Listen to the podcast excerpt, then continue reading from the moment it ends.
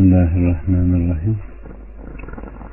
Alimran Estağfurullah. Nisa 97, 98, 99 ve 100.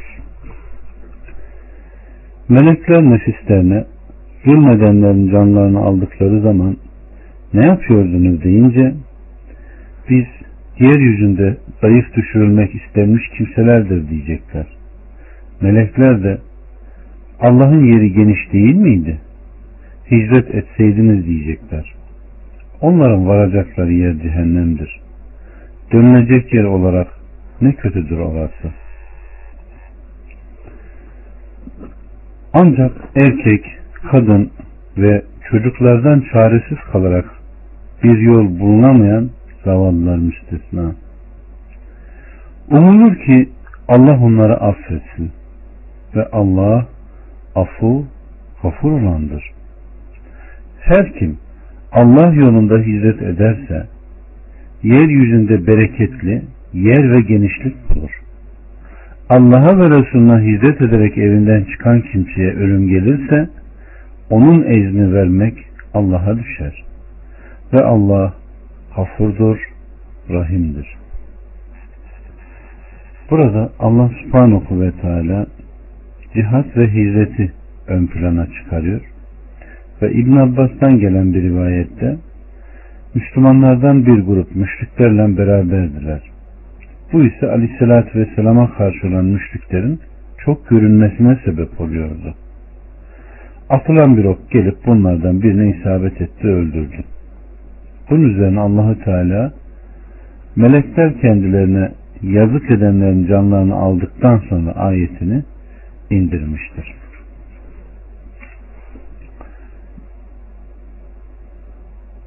Allahü Teala işte onların Allah'ın onları affetmesi umulur ki Rabbimiz Subhanahu ve Teala bu ayet-i kerimede hicreti terk etmek suretiyle kazanmış oldukları günahlardan vazgeçeceklerdir buyurmuştur. Yine Rabbimiz Allah'a ve Resulüne hizmet ederek evinden çıkan kimseye ölüm gelirse onun ecrini vermek Allah'a düşer buyuruyor ki bir kimse evinden sırf hizmet niyetiyle çıkar da yolculuk esnasında ölürse onun için Allah katında hizmet edenin sevabı hasıl olur. Nitekim Aleyhisselatü Vesselam Efendimiz ameller niyetlere göredir. Her kişi için niyet ettiği vardır. Kimin hizmeti Allah ve Resulüne ise onun hizmeti Allah'a ve Resulünadır. Kimin de hizmeti elde edeceği bir dünyalık ya da evleneceği bir kadın ise ancak hizmet ettiği şeyedir. Bu hizmet ve her amel için genel bir hükümdür. Buhari ve Müslim'de zikredilen bir hadis-i şerife göre bir adam 99 kişiyi öldürüyor. Sonra bir abid ile sayıyı yüze tamamlıyor. Sonra da bir alime kendisi için tevbe olup olmadığını soruyor. Alim sen tövbe ettikten sonra Allah ve senin arana kim girebilir diyor. Ona sen burada durma. Burada kötü insanlar var. Sen burada durursan tövbene hakim olamazsın. Falan yere git. Oraya vardığında sen tövbeni inşallah tutarsın dediğinde o insan o memleketten diğer bir memlekete muhacir olarak giderken ölüm ona yakalanıyor. Ve rahmet melekleriyle azap melekleri onun hakkında ihtilafa düşüyorlar. Birincisi tevbe etmiş olarak geldi derken diğeri henüz daha ulaşmadı. Hiçbir amel işlemedi. Bu adam şu kadar kişi öldürdü diyerek ne yapıyorlar? İhtilaf ediyorlar. Allah onlara bir meleği hakem olarak gönderiyor. Ölçün iki menzilden hangisine yakınsa ona göre götürün. Evet. Hangisine yakındı? Allahü Teala birine yaklaştırılmasını, diğerinden uzaklaştırılmasını emretti de hicret ettiği yere bir karış yakın bulundu. Onu rahmet melekleri aldı. Evet kardeşlerim, hicret dünyadaki amellerin tevhidden sonra en üstünüdür. Onun için Allah Resulü Aleyhisselatü Vesselam hicret amellerin en üstünü olmasaydı ben kendimi sizden bir yani ensardan birini addederdim diyor. Ama ben muhacirim diyor. Hicret dünyadaki amellerin en üstünüdür. İşte 99 kişiyi öldürüp de bir rahibe giden ben tövbe etsem Allah benim tövbemi kabul etmez mi diyen insanın misalinde olduğu gibi. Evet. 101 Yeryüzünde sefere koyulduğunuz zaman kafirlerin size bir fenalık yapmasından korkarsanız namazı kısaltmanızda size bir vebal yoktur. Şüphe yok ki kafirler sizin için apaçık bir düşmandır. Kardeşlerim namaz korkuda bir, hazarda iki ve muhkimken dört olarak Aleyhisselatü Vesselam Efendimizin diliyle farz kılınmıştır. 102 Sen içlerinde olup da namazlarını kıldırdığın zaman bir kısmı seninle beraber namaza dursun ve silahlarını da alsınlar.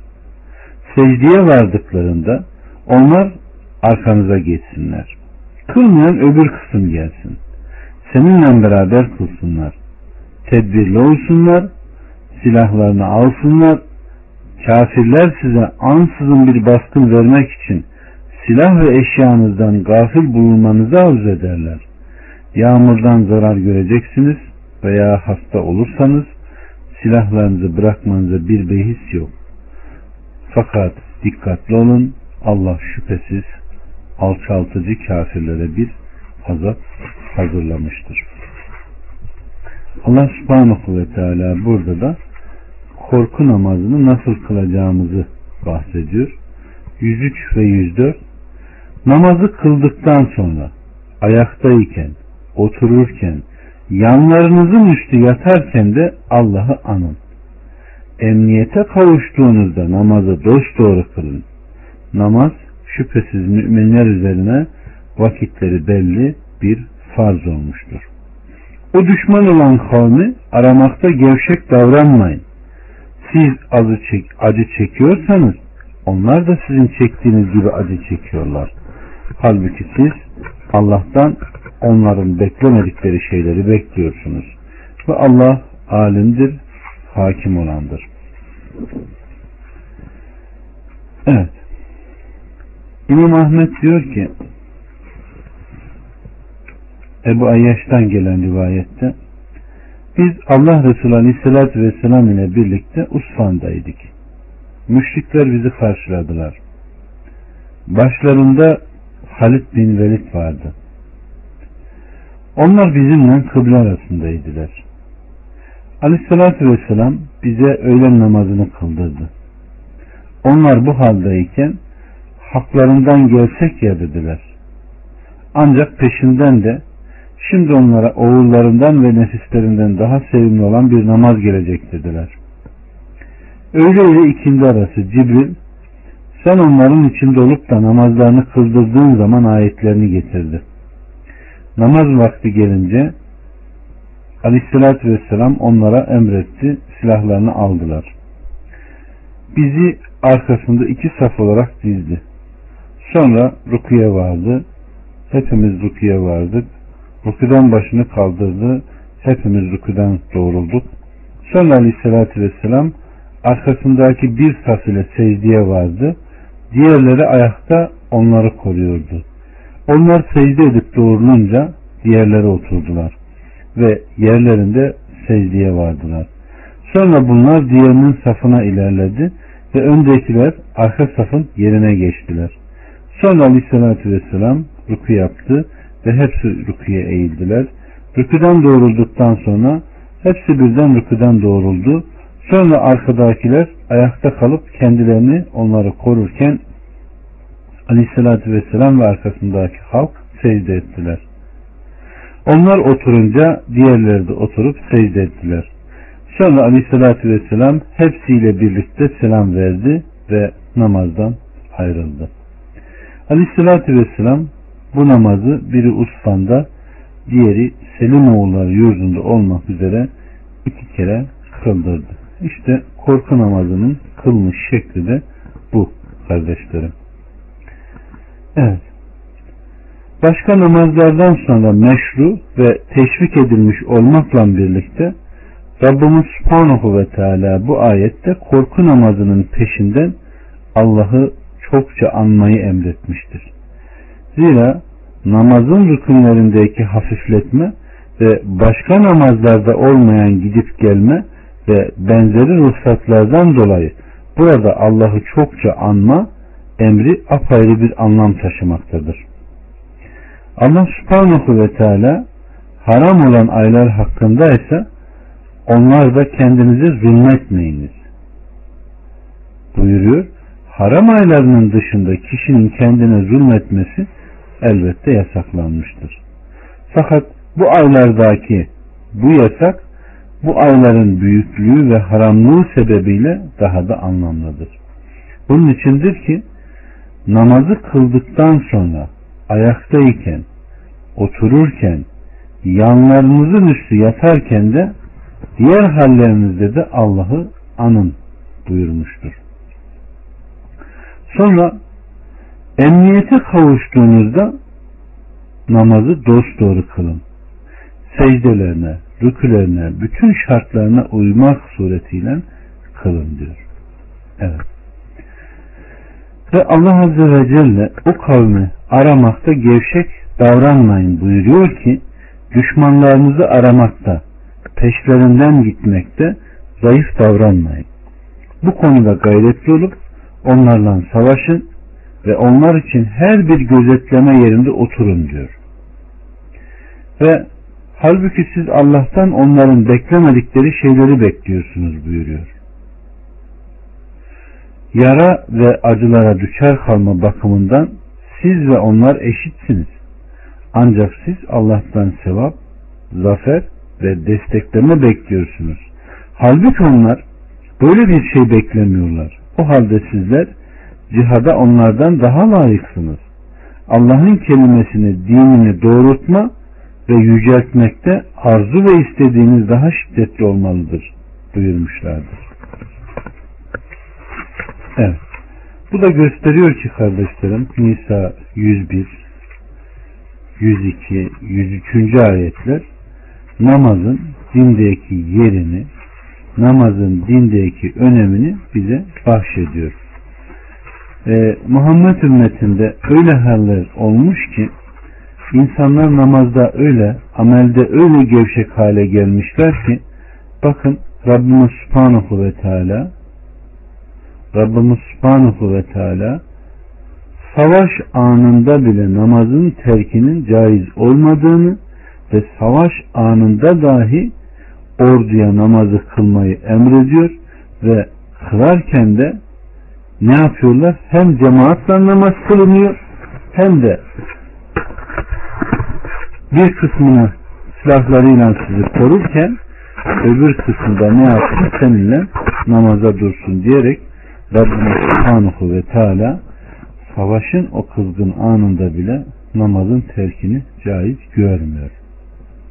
Allah subhanahu ve teala bu ayetleri hakkıyla anlayan, hayata geçiren Allah azze ve celle'nin dinini onun anlattığı, onun razı olduğu şekilde anlayan ve hayatına geçiren samimi kullardan eylesin. Şu yok mu, bu yok mu, şu şu olunca ne olacak, işte bu şöyle olursa ne olur deyip de Allah subhanahu ve teala'nın razı olduğu bu hükümlerin kendi kafalarına göre yorarak işte şurada da şu var, burada da bu var tipinde Allah'ın razı olduğunu insanların kafasında şek ve şüpheye yol açan daha sonra da kendisi de geçip ha bu da böyle olabilir diyen aciz kullardan bizleri eylemesin. Allah'ın razı olduğundan Rabbim bizleri de razı kılsın. Allah subhanahu ve teala bizleri bizleri Resul'ün yapmış olduğu amelleri işlemeye hepimizi teşvik etsin ve o ashabın inandığı tasdiklediği gibi bizlere de tasdiklemeyi nasip etsin. Çünkü kardeşlerim din neden nasıl sorularıyla test edilecek bir laboratuvar değil. Evet işittik, itaat ettik denilen bir kulluktur. 105, 106, 107, 108 ve 109 Doğrusu biz sana kitabı hak olarak indirdik ki insanlar arasında Allah'ın sana gösterdiği gibi hüküm veresin. Hainlerin savunucusu olma ve Allah'tan mağfiret dile. Şüphesiz ki Allah gafurdur, rahimdir. Nefislerine hainlik etmiş kimseleri savunma. Allah hainlikte direnen günahkarları sevmez. İnsanlardan gizlerler de Allah'tan gizleyemezler. Halbuki Allah'ın razı olmayacağı sözü geceleyin uydurup düzdükleri zamanda Allah onlardan beraberdir. Allah yapacakları her şeyi kuşatıcıdır. İşte siz öyle kimselersiniz ki dünya hayatında onları savunuyorsunuz ama kıyamet günü Allah'a karşı onları kim savunacak? Yahut onlara kim vekil olacak? Evet. Allah subhanahu ve teala burada hükmünü açıklıyor kardeşlerim. Ve elçisi aleyhissalatü vesselama hitaben doğrusu biz sana kitabı hak olarak indirdik buyuruyor ki bu kitap Allah'tan gelen bir gerçektir. Ve haberlerinde ve isteklerinde o ancak hakkı içerir. Evet. Ümmü Seleme'den gelen bir rivayette kardeşlerim Aleyhisselatü Vesselam hane-i saadetlerinin kapısında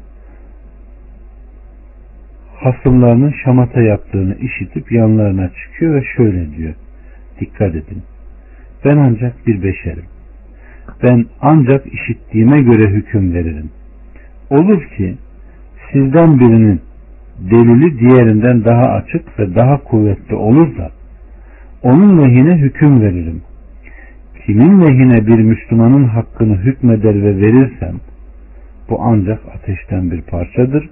Onu dilerse yüklensin, dilerse bıraksın buyurmuştur. İmam Ahmet'in naklettiği bir rivayette Ümmü Seleme'den gelen nakilde Ensar'dan iki kişi arasında eski bir miras konusunda Aleyhisselatü Vesselam'a gelerek hasımlaşıyorlar. İkisinin de delili, delili hücceti yoktu. Aleyhissalatü vesselam Efendimiz siz hasımlar olarak bana geliyorsunuz. Ben nihayet bir beşerim. Olur ki bir kısmınızın delili diğerinden daha açık ve kuvvetli olur. Ve ben de işittiğime göre aranızda hüküm veririm. Kimin lehine kardeşinin hakkında bir şeyi alarak hükmedersem onu almasın.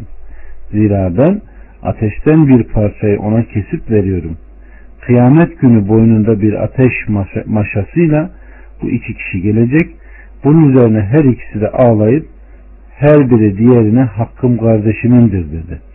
Aleyhissalatü vesselam Efendimiz madem ki böyle dediniz o halde gidiniz paylaşınız hakkı araştırınız kuralaşınız ve sonra da her biriniz arkadaşıyla helallaşsın buyurmuştur.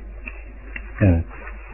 Demin de dediğim gibi onların iman ettiği gibi Allah Azze ve Celle bizlere iman etmeyi nasip etsin kardeşlerim.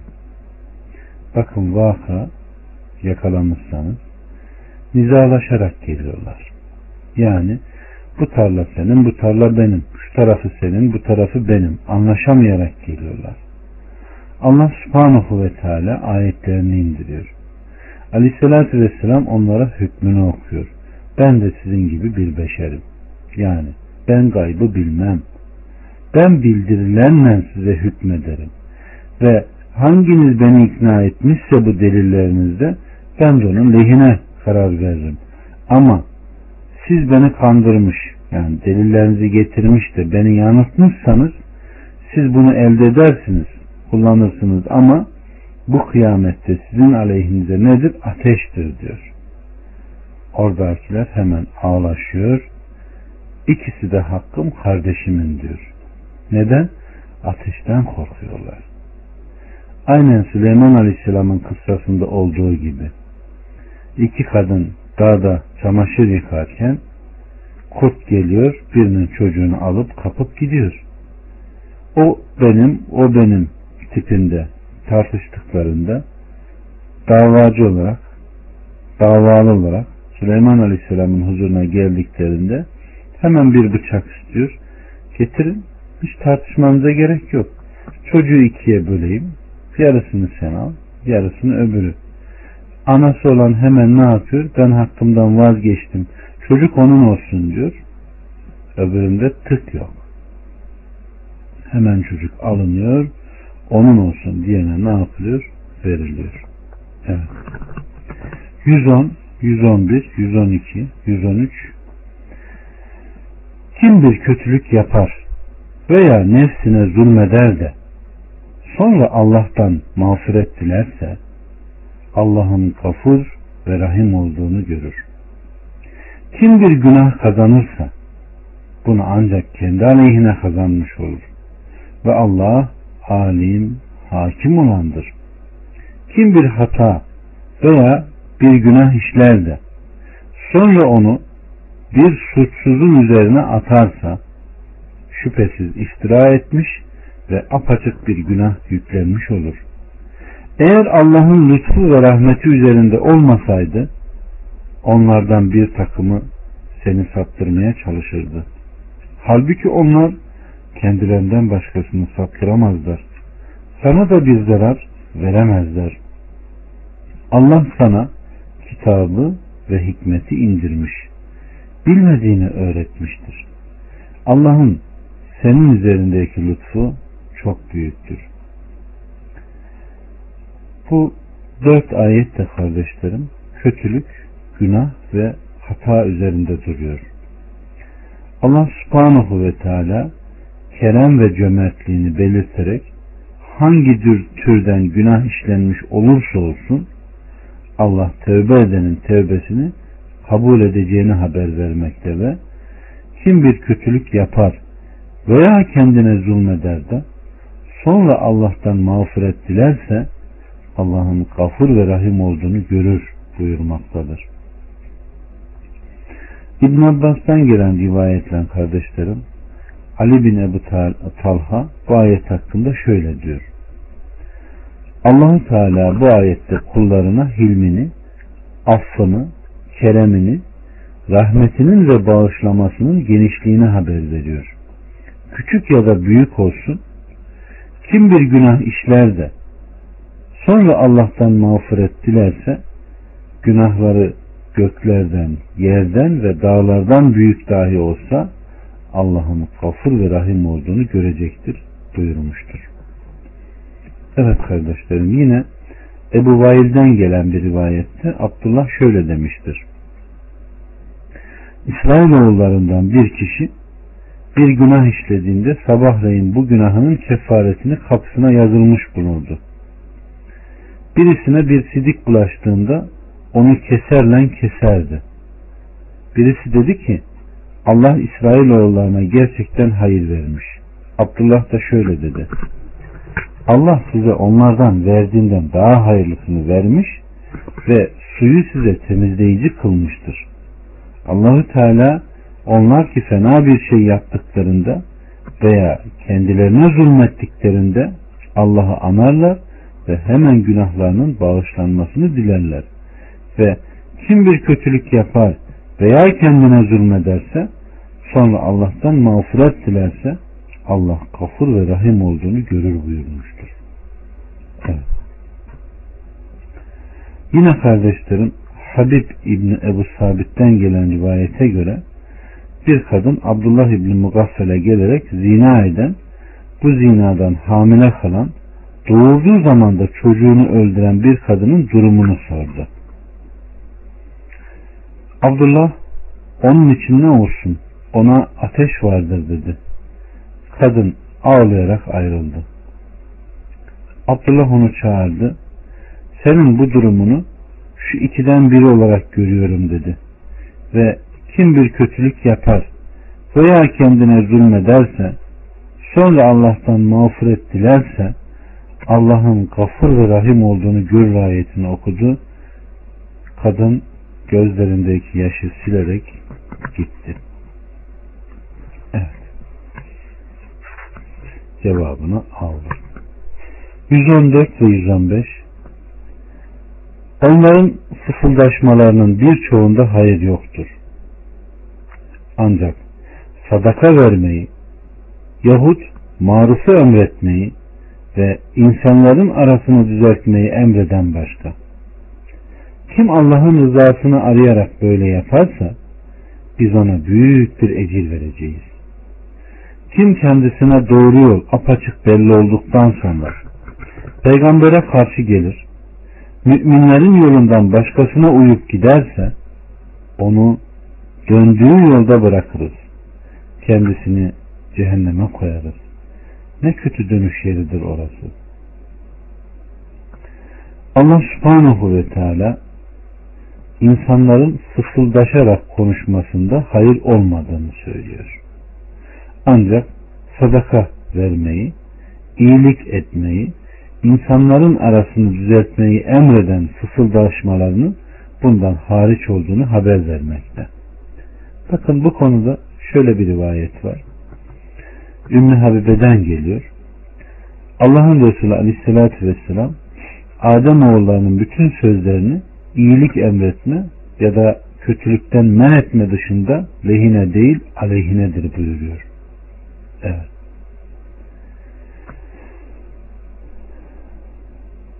Bu hadis çok şiddetli. Bunun üzerine bu hadisin şiddeti nedir diye Süfyan soruyor. Bunun üzerine Süfyan bu Peygamber Efendimiz'i gönderen Allah'ın kitabındadır. Allah'ın Teala kitabında onların fısıldaşmalarının birçoğunda hayır yoktur ayetini okudu. Bunu buyurduğunu işitmedin mi? İşte bu onun aynısıdır.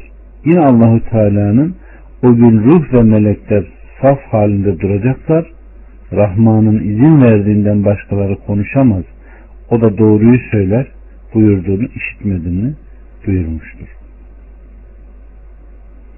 Ve yine İmam Ahmet'in naklettiği bir rivayette Ümmü Gülsüm o Allah Resulü'nün şöyle buyurduğunu işitmiş. İnsanların arasını düzelten kişi yalancı değildir. Onun hayrı artar ya da o hayır söylemiş olur. İnsanların söylediklerinden bu üçünün dışında böyle bir şeye ruhsat verdiğini işitmedim. Harpte insanların arasını düzeltmede kişinin karısı ve karısının kocasıyla olan konuşmasında yalan caizdir buyurmuştur. Kim kendisine doğru yol apaçık belli olduktan sonra peygambere karşı gelir ayetine baktığımızda kim Aleyhisselatü Vesselam'ın getirmiş olduğu şeriat yolundan başkasına girerse o bir tarafta şeriat başka tarafta olur. Zira bu kendisine hak ve gerçek açıkça belli olmuş ve ortaya çıkmış olduktan sonra kendisindeki bir kasıttan meydana gelmiştir. Rabbimiz Subhanahu ve Teala müminlerin yolundan başkasına uyup giderse buyuruyor ki bu birinci sıfatın ayrılmaz bir parçasıdır. Fakat bazen kanun koyucunun açık emrine muhalefet olabileceği gibi bazen de ümmeti Muhammed'in ittifakını kesin olarak bildiği konularda onların icma ettiği, birleştiği bir konu da olabilir. Zira onlar bir konuda birleştiklerinde hatadan korunmuşlardı. Bu onlara verilen bir şereften ve peygamberlerine bahşedilen tazimdendir. Burada dikkat ederseniz Allah subhanahu ve teala hüda beyan olduktan sonra o müminlerin yoluna kim uyarsa kurtulur. Hüda beyan olduktan sonra o müminlerin iman ettiği gibi iman etmezseniz sizi olduğunuz yerde bırakırız. Yani ateşe koyarız diyor. Kitap ve sünnetin terbiye ettiği gibi terbiye olursanız cennete. Kitap ve sünnetin terbiye edemediğini ise ahirette ateşin terbiye edeceğini Allah Azze ve Celle beyan ediyor. Ya Rabbi bizleri dünyada kitabınla, beyanınla terbiye et. 116'dan 122'ye kadar Elbette Allah kendisine şirk koşulmasını bağışlamaz. Bundan başkasını dilediği kimseye bağışlar. Kim Allah'a şirk koşarsa çok uzak bir dalalete düşmüş olur. Onu bırakıp da yalnız dişi putlara tapıyorlar. Aslında onlar inatçı şeytandan başkasına tapmıyorlar. Allah ona lanet etsin. O dedi ki Celal'ın hakkı için kullarından muhayyen bir pay alacağım. Onları mutlaka saptıracağım. Olmayacak kuruntulara boğacağım. Onlara emredeceğim. Davarların kulaklarını yaracaklar. Emredeceğim Allah'ın yaratışını değiştirecekler. Allah'ı bırakıp şeytanı dost edinen kimse şüphesiz açıktan açığa kayba uğramıştır. Şeytan onlara vaat ediyor kuruntulara düşürüyor. Şeytanın kendilerine vaat ettikleri aldatmaktan başka bir şey değildir. Onların varacağı yer cehennemdir. Oradan kaçacak yerde bulamayacaklar. İman edip salih amel işleyenlere gelince biz onları altlarından ırmaklar akan cennetlere koyacağız. İşte Allah'ın dost doğru bir vaadi. Allah'tan daha doğru sözlü kim olabilir? Evet kardeşlerim. Allah subhanahu ve teala burada şirki ve çeşitlerini gündeme getiriyor. Allah kendisine ortak koşmayı, koşmayı bağışlamaz. Bundan başkasını dilediğine bağışlar diyor. Burada İmam Tirmizi'den gelen bir rivayette kardeşlerim Hazreti Ali naklediyor. Allah kendisinden razı olsun. Kur'an'da bana elbette Allah kendisine şirk koşulmasını bağışlamaz ayetinden daha sevimli başka bir ayet yoktur buyurmuştur.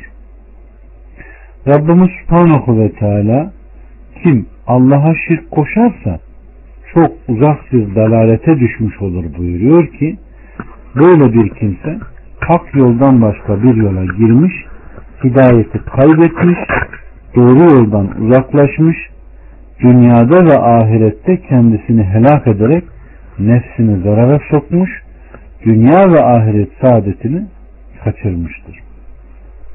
Şimdi burada dikkat edilmesi gereken bayağı bir mesele var. Allah subhanahu ve teala Adem oğlunu yaratmış yaratıcı, yaratış sebebini söylemiş. Ben cinleri ve insanları yalnız bana kulluk etsinler diye yarattım demiş. İbn Abbas'tan gelen nakilde ise her işte, her sözde, her amelde yalnız ve yalnız Allah'a ibadet için yaratılmıştır ifadesi gelmiştir. Şimdi madem ki insanın yaratılış gayesi kulluktur. Madem ki biz dünyaya kul için geldik, kulluk için, demek ki biz her halükarda kuluz. Her halükarda kuluz. Biz bu kulluktan imtina edip kaçamayız. Otururken de kuluz, yatarken de kuluz, sıhhatliyken de kuluz, hastayken de kuluz, evliyken de kuluz, bekarken de kuluz. Hastayken, sıhhatliyken, yaşarken yani yemek yerken, düşünürken, hayal kurarken her halükarda kuluz. Allah Azze ve Celle işte bu kulluğu tanzim ettiğinde sınırlarını koymuş, ölçülerini koymuş ve benim mülkümde kalın, verdiğim rızıklardan yiyin, her şeyden istifade edin ama bana şirk koşmayın demiştir. İşte sınırlarını koymuştur. Fakat dikkat ederseniz ayetlerin seyrinde şeytan onları aldattı. Kardeşlerim şeytan insana her yoldan girip vesvese verir. Korkuyla, sevgiyle, dürtmeyle. Sevgide ve korkuda şirk olur mu? Olur kardeşlerim. Olur. İnsan sevgisini, korkusunu, muhabbetini vasat duruma yani fıtrat üzerine bırakmaz, bozarsa Allah'ı sever gibi birilerini sever. Allah'tan korkar gibi birilerinden korkar. Allah'tan ister gibi birilerinden ister. Allah'a sığınır gibi birilerine sığınabilir. Nasıl? Cahillik dediğimiz, taklit dediğimiz, ataları babaları taklit dediğimiz, ilim ehlini Rab edinme dediğimiz bab var ya, eğer insan Allah Azze ve Celle'nin bu ayetlerini okumaz, cehalet karanlığında giderse, bu sefer ben bilmem, Anadolu insanının dediği gibi, sen ne anlatırsan anlat ben anlamam. Hocam bilir, abim bilir, şeyhim bilir yerinden giderse işte o zaman koyu taklit karanlığına iblisin kucağına düşmüş olur. Ve ben Allah'a nasıl yaklaşayım? Onlar şöyle şöyle yani şeytanın ve avanelerinin koymuş olduğu o kodlanmış kelimelerle insanlar helak olur gider. İşte Allah subhanahu ve teala onların Allah'ı bırakıp da yalnız dişi putlara taparlar ayeti kelimesiyle ne yapıyor? İşaret ediyor. Ha, geçmişte Ubey İbni Kab bu ayet hakkında her put ile birlikte dişi bir cinni vardı demiştir. Hatta hatırlarsanız Halit'in falan putu öldürmeye estağfurullah yıkmaya gittiğinde oradan bir sesler gelmiş. O putu parçaladığında ise bir şeytan oradan çekip gitmiştir. Yani her putta muhakkak iblis bir avanesini oraya dikmiş ve insanları aldatmak için her şeyi yapmışlardır. Mekke toplumunda kardeşlerim müşrikler melekler Allah'ın kızları haşa biz onlara bizi Allah'a yaklaştırmaları için ibadet ediyoruz derken ve onları Rabları edinerek kızlar şeklinde tasvir ediyorlardı. Allah onları kahretsin. Kahroldular da. Onları süslerlerdi. Sonra da melekleri kastederek bunlar ibadet ettiğimiz Allah'ın kızlarına benziyor derlerdi. Günümüzde bu böyle değil mi kardeşlerim? Onun için bakın ulema Allah kendilerinden razı olsun meleklerin ve meleklerin isimlerinin insanlara konulmasını kerih görmüşlerdir. Yani Cibril'di, Mikail'di, İsrafil'di diye ehli sünnet bu baptan bu baptan onların isimlerinin insanlara konulmasını kerih olarak görmüşler ve hoş görmemişlerdir. Sırf Mekke toplumunun melekler Allah'ın kızlarıdır, cinler Allah'ın oğullarıdır diye kabul ettikleri ve müşrik oldukları itikadının babından. Bakın Rabbimiz Subhanahu ve Teala aslında onlar inatçı şeytandan başkasına tapmıyorlar. Buyuruyor ki bunu onlara emredip onlara süsleyip güzel gösteren şeytandır kardeşlerim. Onlar gerçekten ancak iblise ibadet etmiş oluyorlar. Nitekim Yasin suresinde de gelecek inşallah. Ey Adem oğulları ben size şeytana tapmayın diye ahdetmedim mi diyor Rabbimiz Subhanahu ve Teala. Allah kıyamet gününde meleklerin dünyadayken kendilerine ibadet ettiklerini iddia eden müşrikler hakkında şöyle diyecekler. Hayır, onlar cinlere tapıyorlardı. Çokları da onlara inanmaktaydılar. Evet. Rabbimiz Subhanahu ve Teala onlara lanet edip buyuruyor ki Allah onu kovmuş, rahmetinden uzaklaştırmış ve komşuluğundan çıkarmıştır.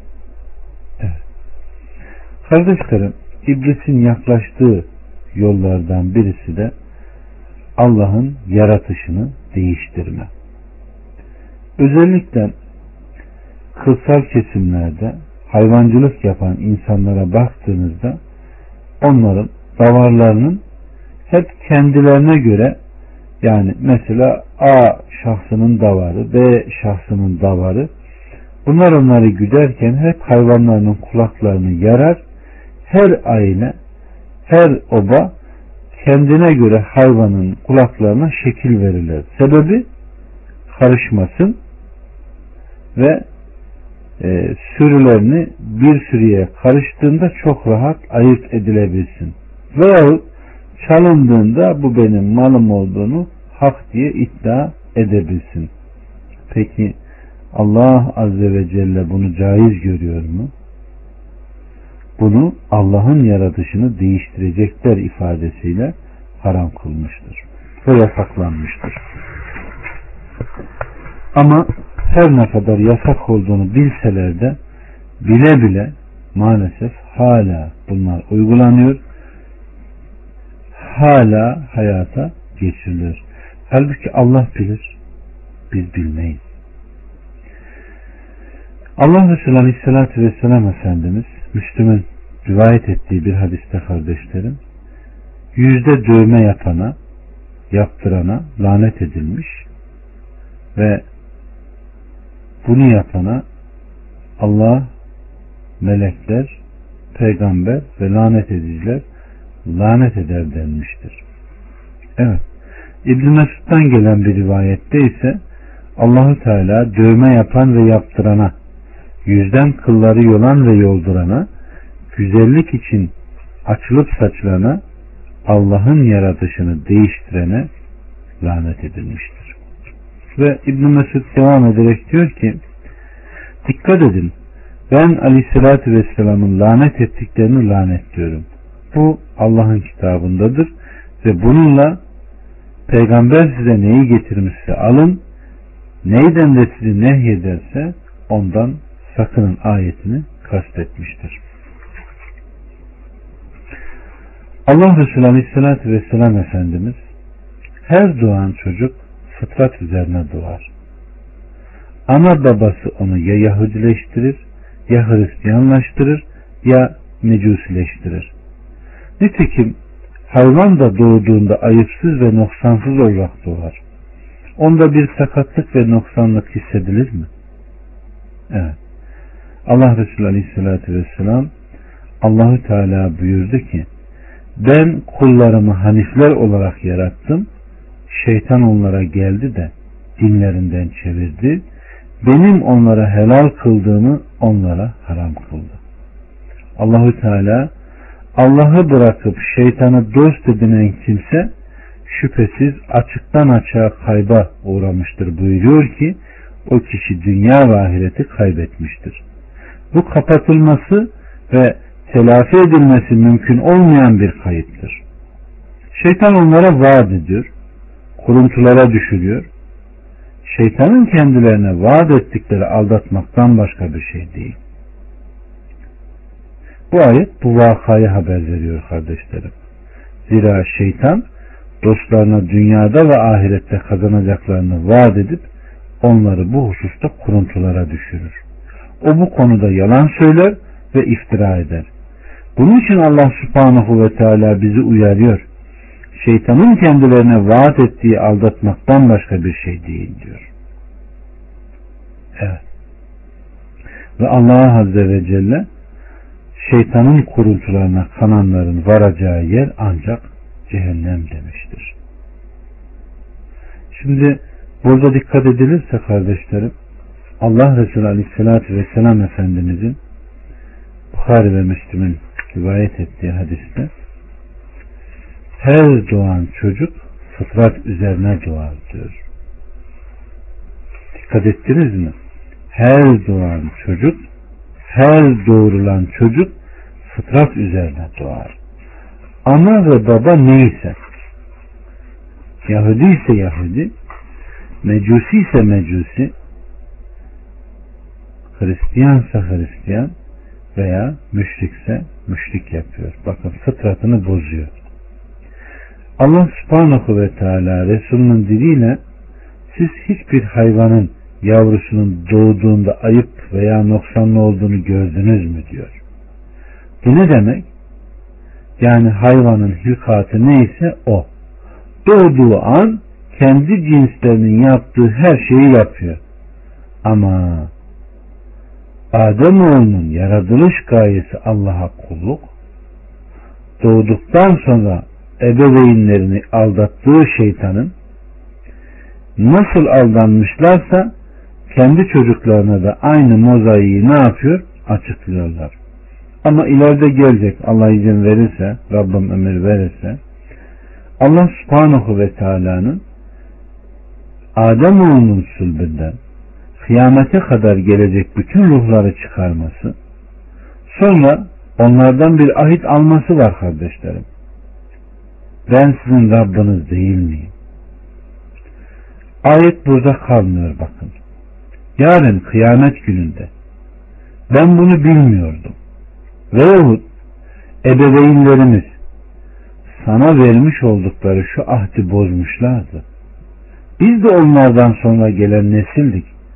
Onları azap etmen hasebiyle bizlere de mi azap edeceksin demeyesiniz diye işte bu vakayı hepinizin üzerine şahitler kıldım diyor. Demek ki kardeşlerim Allah subhanahu ve teala Allah subhanahu ve teala yarın kıyamet gününde ben bunu bilmiyordum. Veyahut atalarımız babalarımız yani toplum üç kişidir kardeşlerim. Ya anadır, ya babadır, ya da çocuktur. Çocuk doğduğunda ana ve babanın gözetiminde büyür. İşte her doğan çocuk fıtrat üzerine doğar hadisiyle birleştirdiğimizde demek ki ana baba Yahudi ise Yahudi şeytan ne yapıyordu? Onları ifsad ediyordu. Puta tapıyordu. Yaratılışı bozmaya çalışıyordu. İşte Allah Azze ve Celle yarın kıyamet gününde atam babam beni Hristiyan yaptı, Yahudi yaptı, Mecusi yaptı, müşrik yaptı sözünü ne yapmıyor? Kabul etmiyor. Onun için Allah ayetlerini bildiriyor. İleride gelecek. Biz hiçbir kavme Resul göndermedikçe, uyarıcı göndermedikçe azap edici değiliz diyor. Allah subhanahu ve teala bizleri razı olduğu dininden razı kılsın o sahabenin iman ettiği gibi iman edenlerden kılsın. Hata ettiğinde, günah işlediğinde tövbe eden, Rabbına samimiyetle dönen, ondan korkan, onu seven, ona boyun eğenlerden eylesin kardeşlerim.